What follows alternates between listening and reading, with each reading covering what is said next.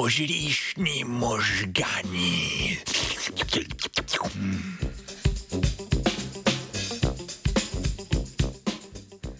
Možgani so najbolj energetsko potraten organ v človeškem telesu.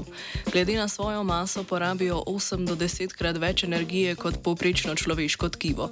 So tudi izjemno občutljivi na znižanje ravni glukoze v krvi, saj se lahko že ob dvakratnem znižanju nepopravljivo poškodujejo.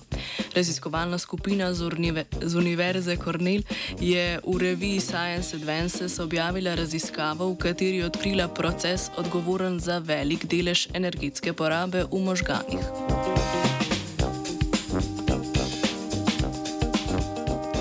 Možgani porabijo največ energije, kadar so bolj dejavni, vendar je njihov metabolizem visok tudi v nedejavnem stanju.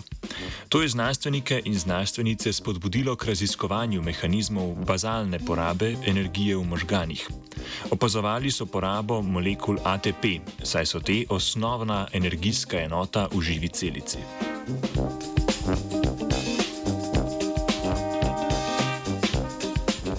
Raziskovalci in raziskovalke so v nevronskih celicah izražali fluorescenčni protein, ki fluorescira le ob prisotnosti molekule ATP.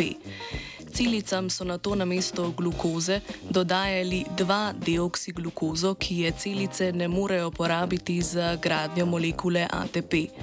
Koncentracija ATP zato sčasoma upade, kar se kaže v zmanjšani fluorescenci.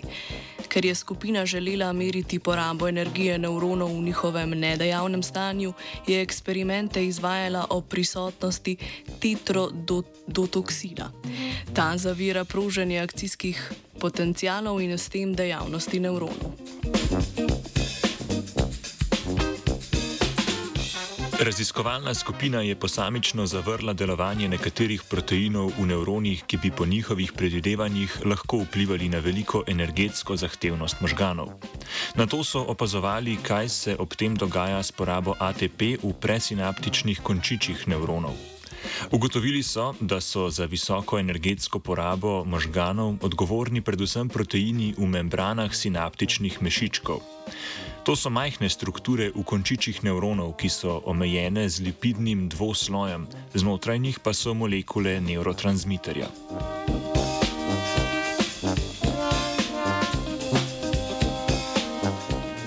neurotransmiterja. Zapolnjanje mešičkov z neurotransmiterjem je za njihovo pravilno delovanje potrebna visoka koncentracija protonov v mešičku. To ustvarijo posebne proteinske črpalke, imenovane VATPaze, ki jo porabi ATP, prenesejo protone v mešiček.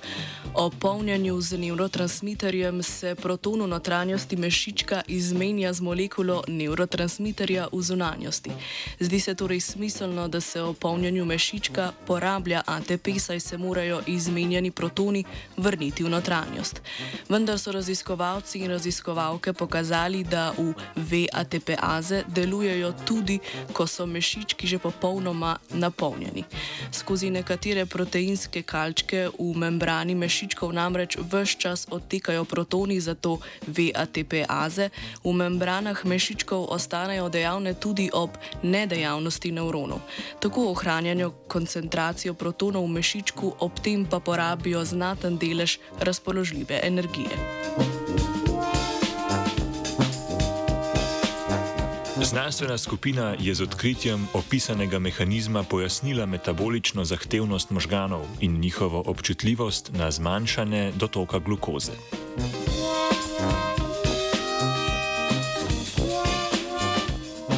Možgani so energijo odžirali vajencu Luki. Three, two, one.